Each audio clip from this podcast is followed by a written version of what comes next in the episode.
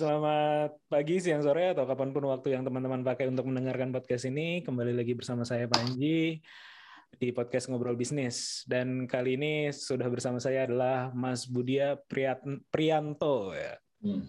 Kepala Bidang, eh apa Ya, istilahnya? penanaman modal. Penanaman modal dari Dinas Penanaman Modal dan PTSP DKI Jakarta. Ya. Wis, luar biasa. Dan mensyariahkan saham masyarakat. Jadi kita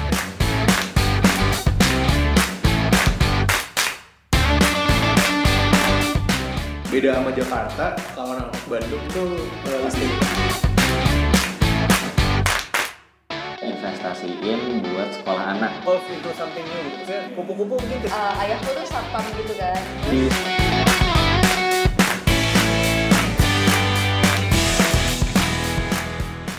ini ini eh, kita ketemu dalam tanda kutip ketemu gara-gara program FPLP. IVLP. Ah. Gimana Mas pengalamannya ngikut IVLP tapi virtual? ya itu sayang banget ya. Saya tuh kayaknya dikabarin tuh sebenarnya udah setahun sebelum eh, kegiatan gitu. Kayak misalnya accepted uh, as participant IVLP. Tapi too bad karena ada pandemi, jadi semuanya serba virtual ya. Ya mungkin mudah-mudahan sih ada kesempatan di lain hari ya. Kalau misalnya pandemi udah selesai, jadi mungkin ada kesempatan kita bisa join lagi gitu kayaknya. Iya iya iya. Iya aku juga eh, aku udah di callingnya memang sebelum pandemi sih 2019 gitu kan. Oh. Namanya dikabarin oke nih di ada itu by rekomendasi kan ya kalau kalau yang Betul, betul. gitu. Jadi ada temanku kayaknya yang udah pernah ikut rekomendasiin nah terus eh, cuman gak dikontak-kontak baru mau dikontak ya udah 2020 itu pas pas mau ini Hmm. eh acara eh sorry sorry mas ini kayaknya internetku aku salah connect eh, jaringan sebentar aku switch dulu ya sebentar switch ke Oke. nah eh, sebenarnya kan pas eh, mungkin aku nanyanya gini dulu mas ya apa namanya kalau aku lihat ya teman-teman ASN kan sebenarnya aku nggak tahu ya mungkin mungkin aku yang pergaulannya kurang ini gitu tapi aku jarang tuh ketemu teman-teman ASN yang ikut kegiatan-kegiatan internasional nah baru yang Hmm. kemarin nih tiba-tiba berlimpah gitu loh maksudnya ada yang kalau yang dari kementerian mungkin sering ya beberapa kali ketemu di event atau conference kayak gitu Hmm. tapi kalau yang ASN eh, provinsi atau apalagi kota kabupaten tuh jarang gitu. Nah kalau aku lihat Mas Budia kan kayaknya kalau lihat Instagramnya sering kali ngikut yang kegiatan-kegiatan begitu gitu. Nah itu datang datang dari diri sendiri apa emang kalau di DKI ini lebih diarahkan untuk begitu Mas? Enggak sih. Jadi gini, mungkin kalau bisa cerita IVLP sendiri itu aku yang ngerekomendasiin waktu itu eh, dari KPK sebenarnya. Jadi kita ada beberapa inisiatif.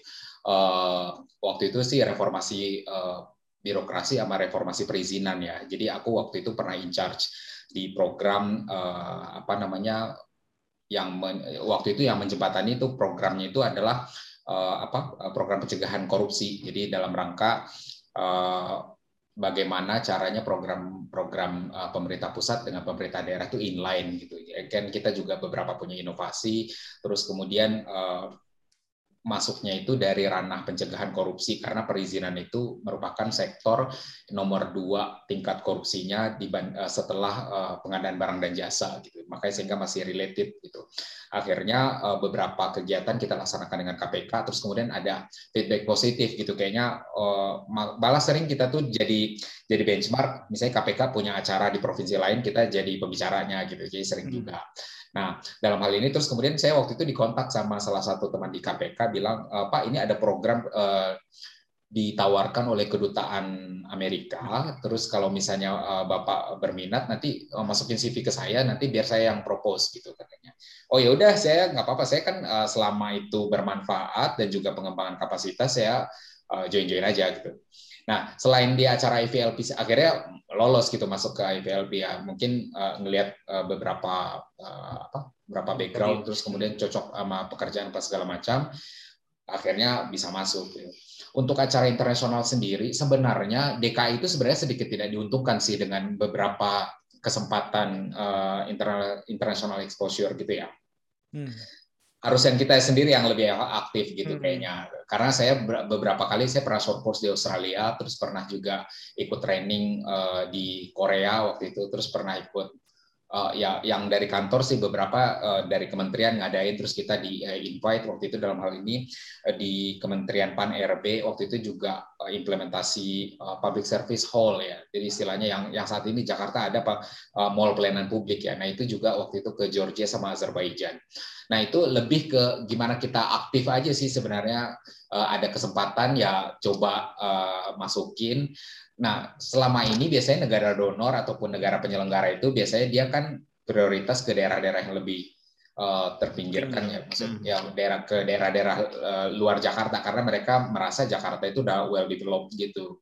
Jadi biasanya eh, kesempatannya eh, pintar-pintar kita ASN untuk eh, ikut serta aja. Mungkin networking itu sangat penting sih sebenarnya gitu. ya. Dalam hal ini ketika kita pernah kerja sama KPK, oh ternyata teman KPK ngeliat ini bagus nih, kayaknya bisa bisa kita sharing ke daerah lain ataupun bisa dipropos kalau ada program-program internasional juga kita bisa diajukan. Paling gitu sih mas. Hmm, jadi jadi eh, memang datangnya lebih ke diri sendiri gitu ya motivasinya, terus juga kayak ngelihat peluang untuk pengembangan diri sendiri Betul. kayak gitu ya. Betul. Oh iya iya. Uh, Saya pikir itu tadi memang kayak eh, didorong gitu oleh oleh pihak pemprovnya gitu. Hmm, sebenarnya dari Pemprov pun juga ada sih program-program gitu. Kayaknya kita ada program kerjasama sama, eh, kayaknya kita kalau Sister City gitu-gitu kan ada ya. Tapi biasanya lebih ke training sih. Tapi kalau misalnya memang agak limited karena memang Jakarta dirasa memang udah lebih maju di dibanding daerah lain ya. Sehingga Hmm. kayaknya kalau misalnya ada opportunities pasti eh, pihak penyelenggara tuh lebih ngasihnya ke daerah lain gitu. Kalau misalnya in terms of kalau misalnya penyelenggaranya kementerian ya, tapi kalau misalnya acara-acara yang memang pemprov sendiri ada kerjasama, pasti kita ada ada ada kesempatan itu juga. Tapi untuk eh, kayak IVLP ini kan nggak ada campur tangan pemerintah sama sekali ya, jadi memang pure dari kedutaan dan itu pun kita nggak bisa apply kan mas ya. Jadi emang kayaknya programnya emang prestisius juga gitu kayak. Iya iya. Saya juga baru engeh itu prestisius setelah ada diterima kan, terus saya Ah. search kan, loh Iya. Megawati, terus siapa yang tokoh-tokoh Indonesia itu Iya. eh, Bu Habibie. Sri Mulyani gitu-gitu kan juga ikut ya. Iya bang, waduh, ini ternyata prestisius ya. Ini baru-baru nggak nggak apply tapi dapat dapat ini gitu, dapat Iya. dapat ini. Nah, eh, sebenarnya apa mas yang di, di- dicari? Soalnya tadi seperti yang aku bilang ya, atau mungkin karena aku gaulnya kurang kurang luas gitu ya. Aku nggak ngelihat teman-teman ASN itu banyak yang kalau sekolah iya gitu ya. Kalau sekolah eh, S2 Ya, sekolah. atau S3 gitu ya, yang yang yang dapat apa ya gelar lah kayak gitu Hmm. banyak gitu teman-temanku. Tapi kalau yang di level eh, provinsi atau kota kabupaten bahkan itu aku jarang yang kayak aktif eh, nyari gitu. Hmm. Apa karena eh, apa karena Jakarta karena jadi eh, lebih terbuka atau atau memang dari dulu eager untuk belajarnya tinggi kayak gitu. Soalnya kan ini nggak dapet gelar ya dalam tanda kutip Iya. kayak gitu yang kayak gini-gini gitu loh. Kalau saya tuh, saya mungkin eh, apa ya, mungkin senang belajar hal-hal baru gitu sebenarnya. Jadi kayak kayak di Korea waktu itu saya belajarnya tentang eh, smart city sebenarnya gitu. Jadi kayaknya nggak related banget sama kerjaan, tapi eh, ada hal baru yang kita bisa pelajari gitu. Dan saya nggak nggak nggak milih-milih juga mas. Kayak kemarin kan kita EVLP tuh belajar kan tentang, tentang komplain manajemen gitu ya. Ya. Walaupun relate sama kerjaan sebenarnya, tapi untuk saat ini saya kan megang investasi, jadi nggak terlalu nggak terlalu relate banget gitu. Tapi nggak apa-apa, apa pun itu ada kesempatan bagus pasti saya ambil gitu. Dan eh, salah satunya itu lebih lu apa semangat eager buat belajar itu emang ada buat saya karena memang saya datang dari bukan orang yang apa udah udah well udah udah tahu segala macam gitu. Jadi kayaknya untuk haus belajar gitu sel- selalu ada sih di saya gitu. Pengen tahu segala macam, pengen pengen ikut apa, pengen ikut apa gitu. Hmm. Nah tadi juga pas pas lagi cerita sempat dimention pernah dapat short course eh, Australia Australia itu Australia Award ya? Eh, itu waktu itu programnya itu eh, under Australian Awards, tapi eh, yang menyelenggarakan itu. Saya itu terus terang saya backgroundnya itu dari saya lulusan dari IPB eh, Institut Pertanian, jadi dari Lulusan? Ministry of Agriculture Australia waktu itu. Agriculture and Forestry kalau nggak saya eh, salah. Terus habis itu dia menyeleksi ada beberapa orang pegawai negeri, tapi yang dari pemerintah daerah itu dari dari DKI Jakarta satu. Kalau salah saya dari Kabupaten Bogor kalau nggak salah satu yang lainnya tuh kementerian gitu jadi dia cuma lima orang terus dapat short course di sana belajarnya itu tentang food safety karena saya tadinya sebelumnya di dinas pertanian memang mas belajarnya itu memang pengawasan makanan apa segala macam Eh, soalnya Jadi- aku juga per- aku, aku juga pernah pernah dapat Australia Award. Awards. Eh, eh, tapi temanya ya sesuai dengan background juga sih karena di Ah. startup jadi lebih ke eh, untuk anak yang startup tech teknologi kayak gitu-gitu sih. Jadi memang Karena emang Australia Awards kan emang banyak kan programnya. Jadi eh, dari S2 saya sih S2 sih pengen sih sebenarnya tapi kayaknya eh, beberapa kali udah pernah terus nggak jadi berangkat gitu. Kayak saya ya udahlah kayaknya short courses sama program-program kayak gini tuh juga nggak nggak kalah menariknya karena kita ketemu orang baru terus kemudian banyak ilmunya lebih banyak gitu nggak nggak spesifik satu gitu menurut saya sih eh, kesempatan buat ASN juga ataupun bagi siapa pun juga nggak ASN pun juga terbuka kesempatan kan sebenarnya jadi ya siapa nggak nggak apa-apa gitu cobain semua muanya Iya iya. Kalau saya sendiri lebih lebih ini sih. Eh, satu kalau S2 eh, atau S atau pokoknya sekolah yang umum gitu itu kan take time banget kan makan misalnya dua tahun hidup atau empat tahun hidup gitu kalau S S3 kayak gitu. Nah kalau short eh, short course itu kan cukup singkat ya kayak Ya. dua minggu eh, satu bulan maksimal lah atau dua bulan kayak gitu gitu. Jadi cukup cukup singkat. Dan saya ngelihat di usia ya wak, eh, dari eh, apa ya ya udah mulai kita makin dewasa ya makin tua gitu kan kayaknya lingkungan pertemanan kita kan eh, susah membuka eh, teman baru gitu kan. Betul. Kalau nggak nggak teman kantor, teman balik lagi ke teman kuliah, ya teman yang dulu-dulu gitu. Tapi jaringan kan harus berkembang kan. Makanya yang Betul, salah satu yang menarik adalah kalau ikut conference atau ikut short course kayak gitu pasti kan ketemu kenal orang baru ya Betul, itu itu sih yang yang yang saya cari. Jejaring lah ya kalau kalau Ya, secara, umum ininya gitu.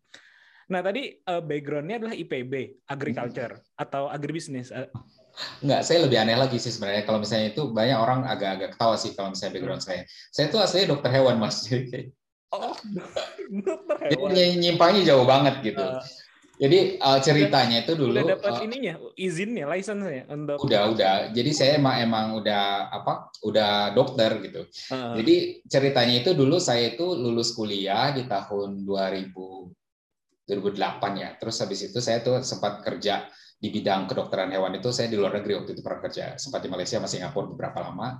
Terus kemudian akhirnya kayaknya saya nggak cocok deh jadi ini gitu. Akhirnya pulang kampung pulang ke Indonesia. Terus saya join multinational company tadinya dia masuk joinnya itu manajemen trainee gitu. Jadi yang uh, all fields accepted gitu ya. Kalau misalnya sel- uh, selama kita fulfill requirement-nya akhirnya saya masuk ke situ. Uh, satu setengah tahun di sana berkarir terus kayaknya uh, orang tua nih jadi bilang kamu udah kuliah uh, capek-capek kuliah jadi dokter terus masa kerjanya marketing gitu kayaknya. Udah cobalah jadi PNS aja gitu katanya. Saya saya nih karena awalnya saya benar-benar nggak mau jadi ASN sebenarnya karena emang menurut saya saya lebih cocok di tempat di swasta gitu kayaknya. Dan saya enjoy banget waktu di di corporate gitu. Terus kemudian akhirnya masuk PNS DKI terus akhirnya saya iseng-iseng aja tes gitu nggak tahu keterima gitu. Pas pas terima tuh agak-agak shock sih ada cultural shocknya gitu. Karena gimana sudah biasa kerja di swasta dengan gedung. Dulu kantornya di GKBI terus tiba-tiba pindah ke ke dinas pertanian di Gunung Sahari gitu. Kayaknya agak agak shock juga. Tapi lama kelamaan saya ter- oh ternyata saya seneng ternyata gitu eh, bikin sesuatu hal yang baru. Terus saya masuk jadi PNS itu tahun 2010 itu kayak eh, kayak ke trigger aja gitu bikin-bikin hal itu. Dan 2010 itu kayaknya masa-masa awal-awal reformasi birokrasi gitu loh. Jadi kayak Ah. kayak kita ngelakuin sesuatu kayaknya wah enak nih anak muda bisa bisa involve. Terus apalagi Jakarta waktu itu masih masih agak ada gap gitu antara eh, orang generasi mudanya. Jadi 2010 itu benar-benar awal-awal ketika eh, baru birokrat muda gitu. Akhirnya ya udah senang terus kemudian di dua habis itu kan Pak Jokowi jadi gubernur terus habis itu ada Pak Ahok. Jadi ada kesempatan-kesempatan lebih terbuka gitu. Kayak waktu itu ada lelang jabatan akhirnya saya ikut. Jadi PTSP itu awal-awal berdiri mas. Hmm. nah ini kalau misalnya eh, Mas Panji tahu itu di PTSP itu isinya any backgrounds. Jadi ada dokter umum ada dokter gigi ada ada sarjana teknik ada teknik industri. Anak-anak ITB itu banyak banget juga di sini gitu. Jadi Hmm. eh, waktu itu kita disebar semua yang muda-muda itu ada di kepala unit PTSP di tingkat kecamatan tingkat kelurahan gitu. Semuanya ada. Kan memang waktu itu Pak Jokowi bikin eh, reformasi pelayanan perizinan itu sampai ke level kelurahan. Nah akhirnya saya berkarir di situ, saya enjoy bikin bikin inovasi, bikin apa, terus kayaknya merasa uh, menikmati gitu ya. Terus akhirnya ya udah akhirnya ambil S2-nya justru, justru udah ngambil ekonomi jadinya gitu karena ngerasa kayaknya udah relate uh, saya senangnya passionnya di sini gitu. Terus kemudian akhirnya dari kepala unit kelurahan terus dipromosi jadi kepala seksi habis itu sekarang saya jadi kepala bidang kayaknya udah udah di sini aja bahkan lebih lama di dunia investasi dibanding di dunia pertaniannya sekarang gitu. Jadi walaupun orang bilang tersesat tapi kayaknya tersesatnya yang saya enjoy gitu ngejalaninnya gitu. Iya iya. Ada dulu dosen dosen saya yang bilang e, saya kan jurusannya teknik fisika. Nah, itu kan nggak oh. terlalu populer lah ibaratnya oh. gitu dosen saya selalu bilang uh, hal-hal yang mirip kayak tadi tuh kalian tuh tersesat di jalan yang benar. Kayak gitu. Jadi kesasar tapi ke jalan yang benar gitu itu uh, rezekinya gitu. Tapi teman saya juga dulu uh, ada juga sih uh, kedokteran hewan dari UGM gitu sekarang kerjanya adalah konsultan di Bank Indonesia gitu. Oh. jadi jadi eh, nggak uh, relate tapi dan dia udah pernah praktek juga gitu kalau nggak salah setahun dua tahun gitu oh. Jadinya, tapi jadi, emang iya apa sih kalau saya sih akhirnya itu ber, berkesimpulan gini mas. Apalagi kemarin tuh baca postingnya Pak Jokowi uh, ngomong apa ya apa uh, banyak salah jurusan itu lah intinya kayaknya Menteri Kesehatan itu dari teknik fisika ya Pak Menki Pak ya, dari, Menkes ya dari ya teknik itu fisika. Ya, kalau salah saya itu fisika, fisika murni apa teknik fisika gitu yeah. saya saya lupa. Nah jadi uh, ternyata sekarang jadi menteri kesehatan. Tapi who knows gitu. Jadi kita nggak bisa prediksi uh, background kita ini terus kita akan berkarir di mana gitu. Kan kita nggak pernah tahu eh, kehidupan akan membawa ke mana. Akhirnya selama kita enjoy, hmm. just do our best gitu. Kayaknya menurut saya sih oke-oke aja gitu kayaknya. Hmm, hmm, hmm. Oke oke. Iya iya. iya. Nah aku pengen masuk ke uh, Dinas Penanaman Modal dan uh, eh, PTSP-nya ini. Ini kan tadi memang reformasi birokrasi baru ya, sepengetahuan aku ya 2000 2015-an mungkin ya atau 2014-an gitu ya uh, pertama kali ada. Karena aku uh, sejak uh, itu ya sekitar 2000 aku lulus 2011. Uh, hmm. cuman uh, udah mulai bisnis lah. Nah, 2014 2015 itu juga sering ada project tuh. Misalnya dengan uh, dulu kalau zamannya uh, sebelum uh, Pak Jokowi itu dengan UKP 4 misalnya bikin oh. sistem uh, lebih banyak di IT memang kayak gitu. Uh, nah, aku juga engah tuh dengan perubahan birokrasi itu karena kan kita sebagai uh, vendor ya harus harus menyesuaikan tuh uh, level up dan segala macam. Jadinya jadinya cukup cukup menarik. Uh, nah, uh, karena itu dinas yang baru, kalau menurut, menurut apa ya uh, pengalamannya Mas Budia, apakah itu membuat jadi yang tadi ya lebih egaliter, lebih uh, yang anak-anak muda lebih cepat uh, naik kayak gitu gitu. Atau mungkin pertanyaannya saya saya tambahin lagi, apakah di usianya Mas Budia sekarang memang memang common uh, udah di level uh, aku nggak tahu sih secara struktur apakah levelnya ini oh. atau golongan apa aku juga nggak nggak nggak ya uh, udah udah udah wajar kayak gitu di di di di di di di, uh, di DKI gitu ya uh, gini dinas penanaman modal planter pada satu pintu itu awalnya kan dulu ya benar 2000 kita tuh mulai beroperasi 2014 ada uh, badannya itu terus 2015 operasionalnya baru gitu. Hmm. Itu namanya dulu Badan Pelayanan Terpadu Satu Pintu. Jadi penanaman modalnya belum. Terus kemudian di tahun 2017 baru pemerintah pusat itu mengeluarkan perizinan itu harus di-inline-kan sama penanaman modal gitu karena goals utamanya perizinan sudah bagus, harusnya tuh outcome-nya adalah penanaman modalnya meningkat gitu. Hmm. Nah, uh, menurutku sih beberapa hal yang mungkin bisa mengakselerasi uh, proses reformasi birokrasi ini berjalan lancar di DKI Jakarta khususnya karena memang banyak uh, mudanya gitu. Anak-anak mudanya itu banyak banget dan juga inovasi-inovasinya itu uh, kita waktu itu cukup leluasa gitu untuk karena memang baru kan gitu. Dan hmm. karena hal-hal baru dan waktu itu pimpinan bilang uh, memang harus bergerak lebih cepat gitu. Terus uh, kita diperkenankan untuk uh, mengajukan inovasi apa terus berprestasi apa bentuknya gitu sehingga nanti bisa bisa kelihatan uh, yang mana yang bisa kita majukan. Terus kalau misalnya lihat common nggak sih di usia saya gitu. Sebenarnya saya itu jadi ini kan jabatannya eselon 3 sebenarnya. Ya. Eselon 3 itu ah, kalau kepala dinas itu kayak eselon 2, jadi satu tingkat di bawah uh, kepala dinas gitu. Kalau ya bukannya mau sombong apa gimana ya Mas ya, tapi kalau misalnya untuk saya tuh di jadi eselon 3 itu di tahun 2019 gitu di hmm. ya untuk usia saya kayaknya jarang kayaknya yang yang dapat itu ya. Tapi bukan berarti nggak ada. Tapi saat ini sih udah mulai banyak gitu karena uh, ada beberapa uh, instansi memang sudah menerapkan juga uh, dalam artian yang muda itu pasti bisa ini kalau misalnya memang mereka capable gitu kayaknya bisa eh, terbuka opportunity itu gitu sebenarnya. Kalau zaman dulu kan kayaknya uh, harus urut kacang apa segala macam gitu ya. Tapi mudah-mudahan sih saat ini uh, karena sistem ASN juga reformasi birokrasinya jalan gitu juga ada talent pool atau kalau misalnya memang pimpinan lihat kalau misalnya oh ini berpotensi ya pasti bisa bisa bisa naik gitu sih. Iya iya iya. Ya mungkin itu sih makanya eh, apa ya eh, ya wajar gitu kalau saya lihat ya tadi ya eager belajarnya. Eh, kalau kalau asal sendiri dari dari mana mas? Saya orang Sumatera mas, saya orang Sumatera Barat. Oh ya pantesan saya dari tadi tuh nih bukan orang Jakarta aksennya. Ya bukan bukan. Saya tuh lahir di desa, jadi di sana dari Sumatera Barat. Iya iya iya. Istri saya orang Sumsel. Jadi Oh. jadi kok ini tadi saya kira, saya kira orang Palembang gitu kan Ah. sekilas sekilas. Karena tadi Sumatera baru- Barat. Iya, karena tadi baru baru ngobrol banget kan kan eh, ini sih OOT ya OOT nih. kan Ah. ikan ikan belida sekarang jadi jadi hewan yang langka nih Yang untuk untuk bahan bakunya pempek nih. Jadi Ah, ah. baru tadi ngobrol ngobrol panjang kok ini gimana nih kayak gini. ini OOT aja OOT. Oh. Jadi jadi ini.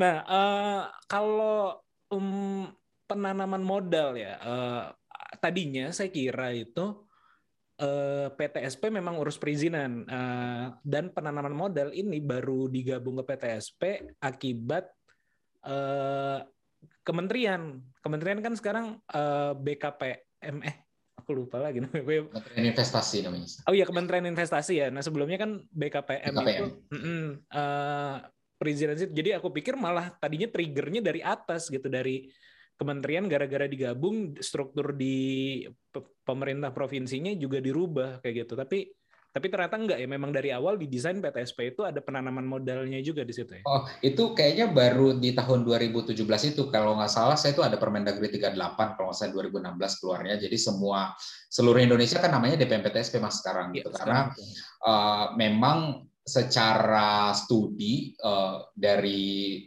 mana pun juga itu kayaknya perizinan itu memang relate sama investasi gitu ya. Jadi kalau misalnya orang mau kita mau ngebus investasi, kita harus benahi birokrasi perizinan gitu. Makanya harus dikawinkan. Sebagai outcome dari kegiatan dinas itu adalah eh, dengan parameter investasi yang meningkat setelah dia melakukan reformasi perbaikan. gitu. Nah, sehingga eh, fungsinya itu memang di- dikawinkan gitu. Jadi salah satu determinan investasi itu ya reformasi birokrasi itu berjalan dengan baik gitu. Kalau misalnya orang apalagi kalau penilaian mungkin pernah dengar ease of doing business yang dikeluarkan World Bank eh, itu kan eh, reformasi perizinan walaupun saat, ini sih udah udah bubar ya ease of doing business udah nggak dijalankan lagi karena ada ada satu lain hal di kasusnya ada isu di World Bank-nya. Tapi eh, itu masih tetap jadi panutan para investor ketika dia mau ngalirin dananya ke suatu negara gitu. Ya dan itu jadi matters banget sehingga Pak Jokowi kayaknya langsung targetin harus eh, masuk posisi 40 besar gitu Indonesia ya dengan melakukan eh, reformasi birokrasi se- segala macam gitu. Akhirnya di strukturnya sendiri, kalau zaman dulu kan eh, daerah dibebaskan, misalnya dinas perizinan dan apa, dinas apa gitu. Kalau ini sekarang kan emang dimudahkan semua gitu. Arahnya biar satu dinas saja yang mengelola, tapi nanti outcome-nya itu adalah investasi meningkat gitu sehingga eh, bareng gitu kerjanya gitu. Hmm. Eh, jadi eh, tapi levelnya sebenarnya tetap itu adalah di pemprov, eh, tapi diaturnya dari kementerian juga ya kayak Ya, gitu. kalau kementeriannya itu kan mengkoordinasikan di level pusat kan ya. Jadi kan Hmm. kita di daerah ini kan ada pembagian kewenangan ya. Kalau misalnya berdasarkan undang-undang pemerintah daerah, jadi ada yang otoritasnya pemprov, ada yang otoritasnya eh, kalau di daerah lain kan ada eh, bupati wali kota ya. Kalau di sini kan administrasinya cuma sampai provinsi otonominya ya. Nah makanya eh, kementerian itu fungsinya itu adalah mengatur NSPK biasanya namanya. NSPK itu eh, norma, standar, kriteria SPK, NSP, pedoman dan kriteria. Jadi no- norma standar, pedoman dan kriteria. Jadi mereka bikin peraturan menteri, peraturan menteri, tapi implementasinya di daerah ngikutin itu gitu biasanya. Jadi pembagiannya seperti itu sih. Jadi kementerian itu dalam arti sekarang kan Kementerian Investasi itu dibentuk kan baru tahun tahun ini kalau saya nggak salah ya, tahun tahun ini. periode ini periode ini Ah, itu juga untuk percepatan investasi sebenarnya karena dulu fungsinya kan mengkoordinasi aja nih eh, misalnya investasi di sektor industri, perdagangan itu adanya di kementerian masing-masing. Kalau sekarang udah ada kementerian sendiri jadi dia bisa punya otoritas sendiri untuk mengelola investasi dengan berkoordinasi dengan kementerian teknis gitu. Nah, sebenarnya kementerian investasi itu di level daerahnya itu ya DPM PTSP gitu. Mas. Mhm. Oke oke oke. Iya iya iya. Saya, saya sebenarnya cukup banyak berinteraksi dengan eh, tidak secara langsung sih ya dengan DP, eh, DPM PTSP gitu. Karena eh, karena saya tadi ya di di Kiwi itu kan kita eh, sistem antrian. Beberapa DPM PTSP gitu kayak terutama yang di luar Jawa sih itu pakai Kiwi sebagai eh, sistem antrian sih, online ya. Antara online ya. Ah, sebagai reservasinya gitu. Di Sulawesi terus juga ada di eh, Aceh kayak gitu. Ada ada beberapa DPM P- DPM PTSP. PTSP. Nah itu Ya. juga sih kenapa sih suka suka pakai singkatan ya? Oh. Kayaknya kalau di pemerintahan gitu emang selalu harus ada ada singkatan gitu ya semuanya. Tapi eh, apa eh, Kiwi menurut saya sih emang cocok ya kalau misalnya untuk eh, pelayanan ya selama dia punya eh, apa eh, pelayanan kepada masyarakat atau segala macam ya pasti juga juga bisa dimanfaatkan gitu ya. Iya ya, kalau layanan publik tuh yang yang eh, dari kementerian kayak apa namanya eh, KPN kantor pemerintahan negara tuh juga pakai Kiwi Ah. di beberapa daerah kayak gitu. Eh, terus eh, PTSP cuman kan eh, levelnya provinsi ya, jadi per masing-masing kayak gitu gitu. Ada beberapa sih. Nah aku eh, penasaran dengan fungsi penanaman modalnya. Hmm. Eh, eh, aku sebenarnya interaksi dengan eh, ya tadi walau banyak-banyak klien tapi tidak tidak tahu sedalam itu gitu. Cuman dulu pernah eh, ini compare dulu aku pernah short course juga gitu di Jerman. Nah, salah satunya belajar manajemen investasi eh, manajemen eh, inovasi sebenarnya. Nah, salah satu eh, elemennya adalah terkait dengan investasi. Nah, kita sempat datang ke semacam kayak investment office-nya eh, si Berlin, kota Berlin gitu ya, atau state ya, jatuhnya state eh, gitu. Nah, yang mereka aku, aku eh, kagumnya adalah mereka kayak beneran jualan gitu dalam dalam tanda kutip jualan bahwa kota ram- ramah izin, kota gua lo ini adalah pusat bisnis, lo kalau mau bikin kantor di sini mudah dan segala macam itu untuk untuk eh, foreign gitu, untuk orang luar atau ya untuk dalam juga biar biar kayak gitu. Apakah itu juga yang dilakukan oleh eh, eh, ya spesifiknya mungkin bidang bidang penanaman modal gitu di DKI? Ya, mungkin eh, gini ceritanya mas. Hmm. Benar itu yang yang di yang yang di Jerman itu berarti punya government ya berarti. Government kantor Oh iya. ah, kantor invest eh, oh, investment office lah, eh, cuman lupa. IPA biasanya mereka sebutnya inv- apa investment promotion agency biasanya kayak Hmm. gitu ya. Nah, di kita itu sebenarnya kita punya namanya Jakarta Investment Center. Jadi saya itu eh, dari Januari itu jadi PLT juga, jadi PLT kepalanya. Jadi di kita itu kan ada fungsi saya itu di bidang penanaman modal lebih ke policy sebenarnya. Jadi kita gimana caranya how to improve the climate investment gitu lebih bagus gitu di di Jakarta kita melakukan apa saja. Misalnya kayak insentif kita berikan, terus kemudian kemudahan berupa pelayanan perizinannya harus seperti ini seperti ini, gitu itu kita ramukan di bidang gitu. Jadi nanti kita akan uh, output kerja saya itu berupa policy yang kita suggest kepada pimpinan dalam hal ini Pak Gubernur, kita bisa melakukan ini, melakukan ini gitu. Nah nanti servicesnya itu ada di IPA-nya itu tadi, jadi Investment Hmm. Promotion Agency-nya itu kita sebutnya namanya di kita itu unit uh, pengelola Jakarta Investment Center. Nah Jakarta Hmm. Investment Center lah yang menjadi center yang tadi di sama sama yang punya Berlin itu. Hmm. Dan, dan ini kita uh, relatif baru ya Mas ya di baru uh, berdiri di tahun 2020 tapi keburu pandemi gitu ya. Jadi kayaknya uh, agak agak slow down dulu gini kayak uh, ritmenya nggak nggak terlalu bisa terlalu agresif gitu. Karena gimana pun juga kalau misalnya kita mau promote kan kita mau ngundang mau invite investor terus habis itu uh, kita mau promote uh, project-project kita apa segala macam gitu. Nah, di situ tuh ada di GIC itu mungkin saya bisa cerita sedikit fungsinya itu kita ada promosi sama satu lagi itu fasilitasi gitu. Promosi ini dalam artian kita mempromosikan Jakarta ini open buat eh, investor yang mau invest ke Jakarta, Terus kita uh, punya program ini ini, kamu cocoknya yang mana gitu. Jadi anytime mereka tuh bisa datang ke Jakarta Investment Center ataupun buka website kita. Kita punya website tapi mungkin belum terlalu belum terlalu sempurna ya, masih dalam uh, pengembangan. Jadi invest.jakarta.go.id itu namanya. Jadi nanti bisa dapat informasi ada opportunity apa di sini. Terus habis itu kita juga masukkan data-data why uh, you need to invest in Jakarta misalnya gitu kayak uh, uh, misalnya demografinya seperti apa, potensinya seperti apa, terus uh, apa uh, human capitalnya bagaimana, terus kemudian uh, termasuk UMR ya itu jadi determinannya juga, terus kemudian kayak harga sewa kantor Jakarta uh, range-nya berapa sih gitu kayaknya kalau investor mau mau invest di Jakarta pasti dia pengen lihat informasi-informasi uh, apa aja yang dia bisa peroleh gitu. Nah itu tuh jadi pembagiannya antara kita kayak marketingnya itu ada di bidang penanaman modal, salesnya itu ada di Jakarta Investment Center itu tadi gitu. Hmm. Nah dalam hal ini sih kita karena pandemi ini kita akhirnya uh, sedikit berubah bukan berubah ya uh, apa memodify beberapa kegiatan kita. Kalau misalnya nanti tadinya itu kita mau atraktif kita mau uh, promote besar-besaran, misalnya kita adain pameran apa segala macam, berkolaborasi dengan agensi-agensi lainnya. Tapi untuk saat ini sih kita lebih beralih ke virtual, makanya kita di tahun ini kita akan ada event besar, itu eventnya dilihat langsung Bapak Gubernur, itu Jakarta Investment Forum namanya gitu. Jadi hmm. nanti di forum tersebut adalah fungsi kita jadi sales benar-benar jualan. Jakarta ini uh, open uh, for any investors yang benar-benar pengen uh, investasi di Jakarta, silakan datang. Nanti kita punya ini ini ini. Terus kemudian juga project proyeknya kita juga suguhin langsung mas. Jadi ada beberapa proyek yang uh, punya pemprov ataupun punya BUMD kan kita punya BUMD tuh saya kayak MRT uh, eh, LRT Jakarta terus kemudian proyek-proyek yang eh, air minum, penyediaan eh, pengelolaan sampah dan lain-lain sebagainya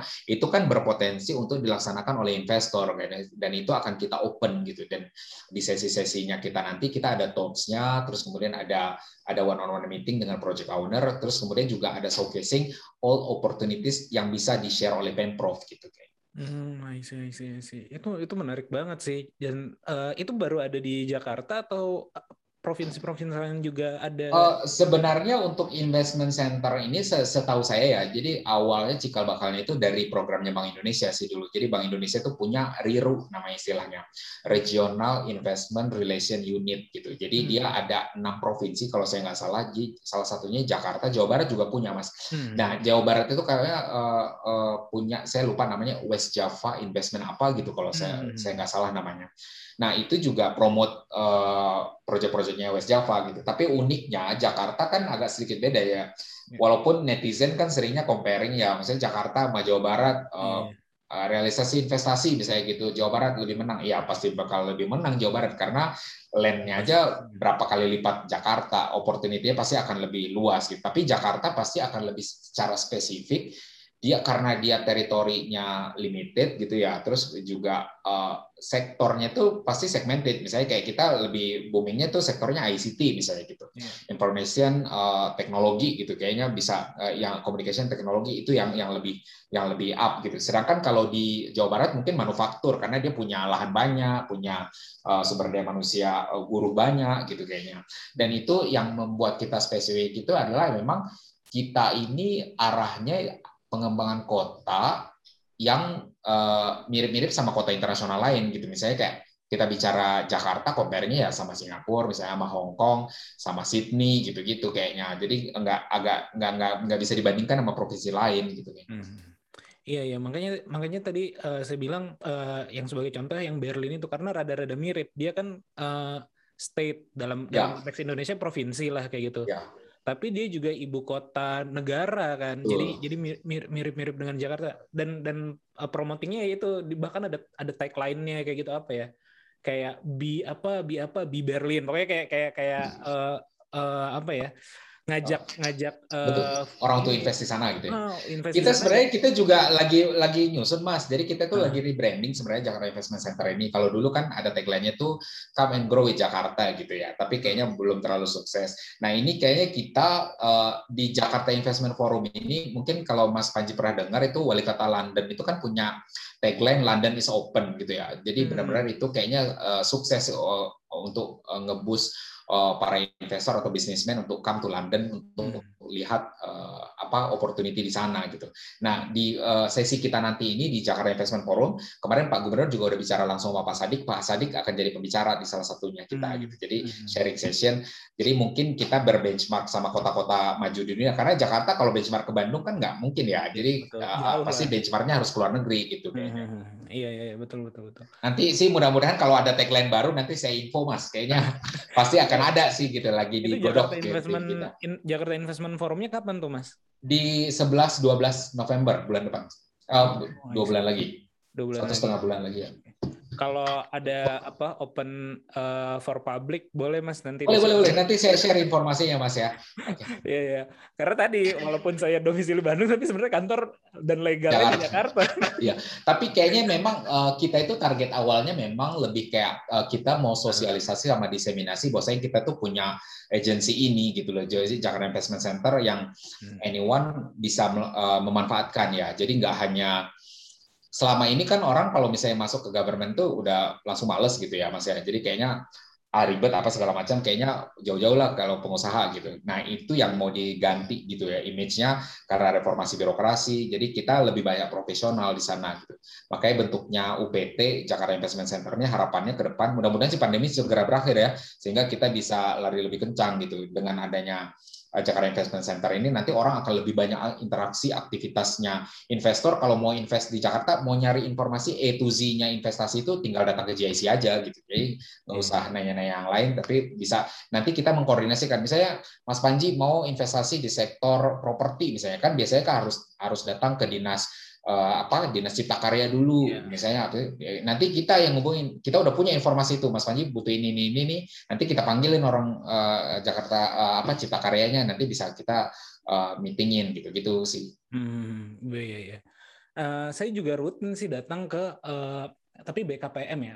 Mungkin tahun lalu tahun lalu juga, eh tahun lalu enggak enggak datang ya. Terakhir pokoknya 2019 lah yang apa ya RIF regional ya, RIF, regional, regional uh, investment investment forum iya oh. betul nah, backup uh, cuman nggak tahu ya tahun, tahun lalu saya nggak nggak nggak nggak tahu nggak ada atau nggak emang nggak datang gitu karena pandemi Uh, ada virtual kalau saya nggak salah. Virtual ya. Oke oh. oke. Okay, okay. uh, terakhir kita buka stand juga soalnya di di yang di di di BSD kan? BSD Ice. betul. Di Ice BSD kita uh, Kiwi buka stand juga di sana dari uh, dengan dengan BKPM ininya difasilitasi gitu.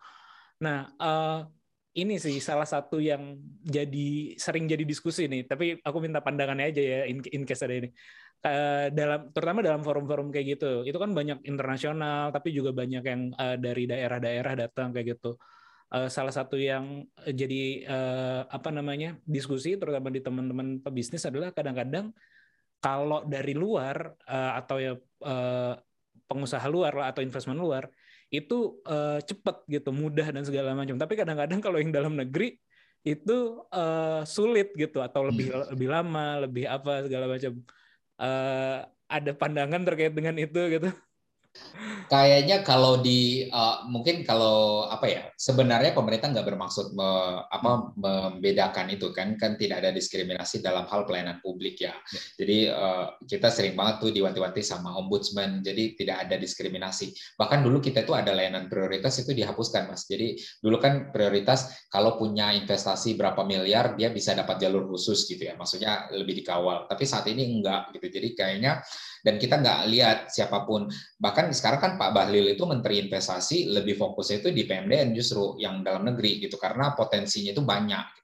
Apalagi retail investor yang memang anak-anak muda startup UMKM gitu kayaknya eh, itu selama ini dulu kan nggak pernah dicatat maksudnya nggak pernah dipertimbangkan karena memang ranahnya Kementerian Koperasi gitu ya tapi Kementerian Koperasi dia cuman uh, ngebina gitu tapi ketika udah uh, dia ngomongin investasinya nanti pengembangan usaha, uh, akses permodalan, pas segala macam harusnya itu di Kementerian Investasi sih yang yang ini gitu.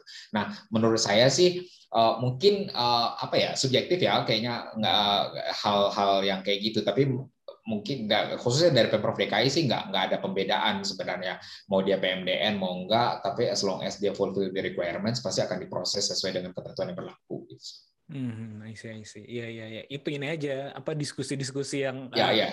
ketika ya kesan ya Mas ya, maksudnya kalau mentang-mentang orang luar negeri bisa lebih cepat gitu ya. ya, ya. Tapi enggak juga sih, tapi uh, apa? Ya kalau luar negerinya nggak nggak terlalu ini juga pasti juga akan nggak nggak nggak nggak, nggak smooth smooth banget juga gitu. Iya. Tapi uh, intinya sih lebih ke requirement yang memang selama udah udah terca udah terpenuhi pasti akan diproses gitu. Iya, iya. Makanya itu tadi juga Jakarta Investment Center itu ada ya anyone bisa datang gitu, bisa bisa kasih ya, masukan, bisa pertanyaan, bisa kasih saran, bisa bisa mengajukan uh, apa yang dibutuhkan gitu. Karena kemarin itu waktu ini juga Pak Gubernur kan sangat ini ya, apalagi Pak Gubernur kan pro banget sama yang apa ya sama yang yang hal-hal yang kayak gitulah. Kalau misalnya orang merasa ketersampingan pasti Pak Gubernur lebih ini gitu. Kalau Pak Anies tuh sangat concern gitu. Jadi beliau tuh menerangkan kalau zaman dulu kita bikin inovasi ini ini ini pemerintah bikin ini bikin itu tanpa melakukan research gitu ya. Maksudnya tanpa melakukan oh ini benar nggak sih dibutuhkan sama investor? Apakah ini benar nggak sih dibutuhkan sama eh, apa sama pengusaha. para pelaku usaha ataupun para masyarakat gitu.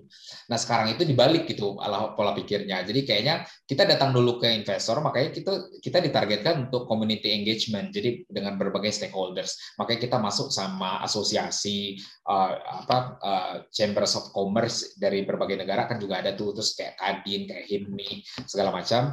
Nanti kita tanya sama mereka what do you need gitu ya? Oh yang dia butuhkan dari government itu apa? Nah nanti berikutnya nanti pasti akan kita datang baru benar-benar datangnya itu dari suaranya stakeholders dan masyarakatnya dari masyarakat gitu. Jadi bukan berarti kita kayaknya ini bagus deh. Kalau dulu kan bikin program ini kayaknya bagus kita bikin gitu. Nggak taunya nggak manfaat sama uh, sama masyarakat gitu. Akhirnya kita dibalik gimana caranya masyarakat bisa menyampaikan aspirasi terus kemudian kita kebijakan kita itu akan berdasarkan itu gitu kayak Hmm. Iya, ya, itu itu lebih lebih ya bagus sih memang uh, uh, kayak di bisnis juga kan kita selalu apa ya premisnya adalah berlandaskan apa yang dibutuhkan kan Customer, ya. buat. betul Ya, betul. customer.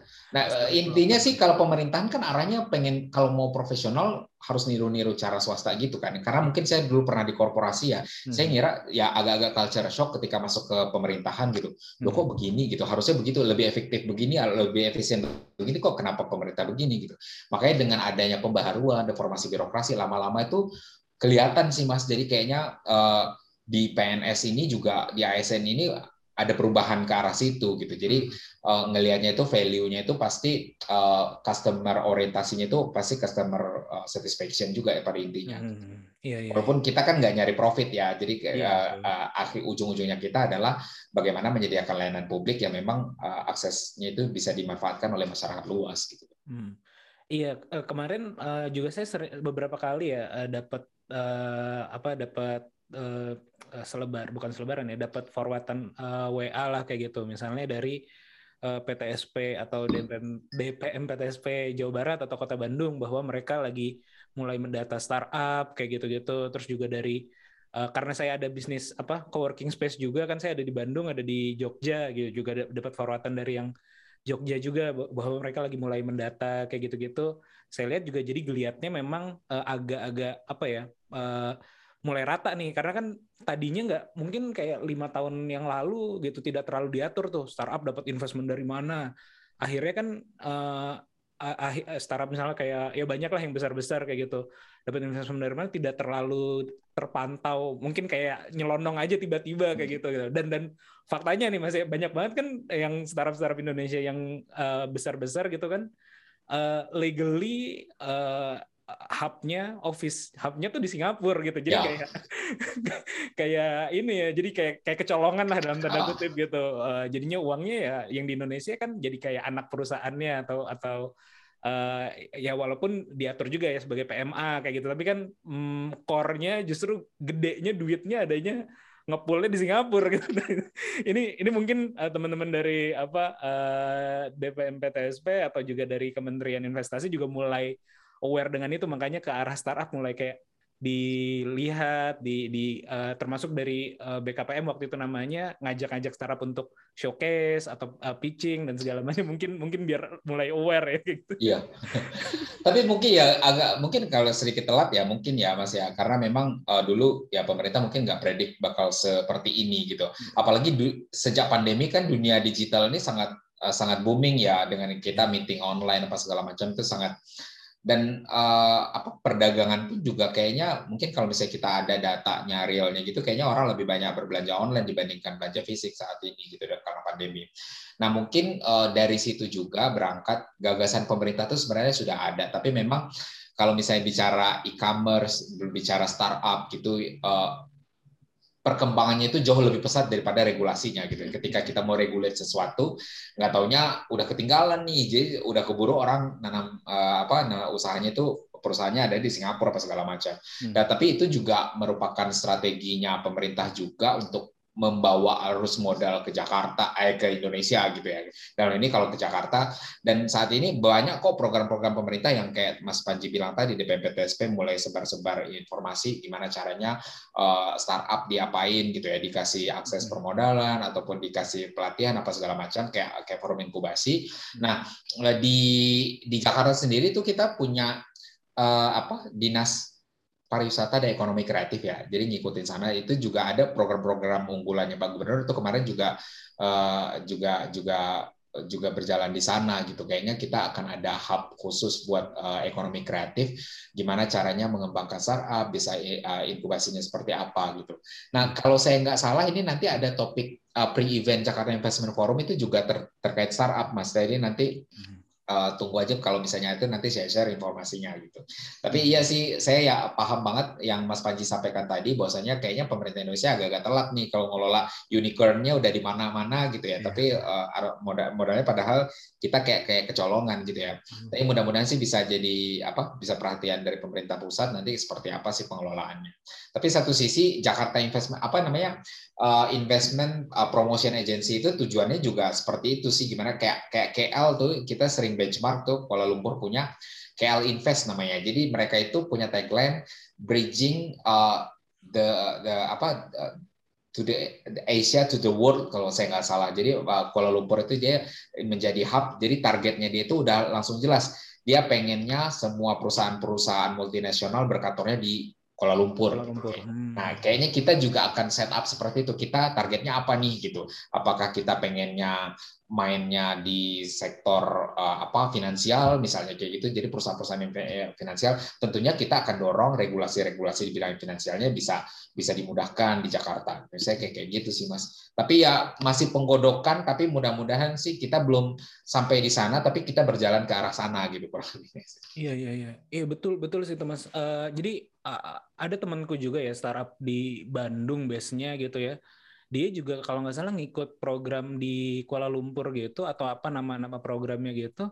Jadi di dalam tanda kutip mereka menginvestasi startup tersebut untuk berkantor di sana gitu ya, berkantor di sana untuk mendirikan legalnya di sana. Tapi yang di Indonesia juga tetap ada. Jadi kayak sudah mulai mungkin mungkin memang uh, ya kaget juga sih semua ya di di Asia atau terutama di Asia mungkin kalau di Amerika kan memang udah booming sejak lama ya startup uh, tech kayak gitu. Uh, jadi mereka udah mulai ngajak-ngajakin gitu, Mas. Uh, ya.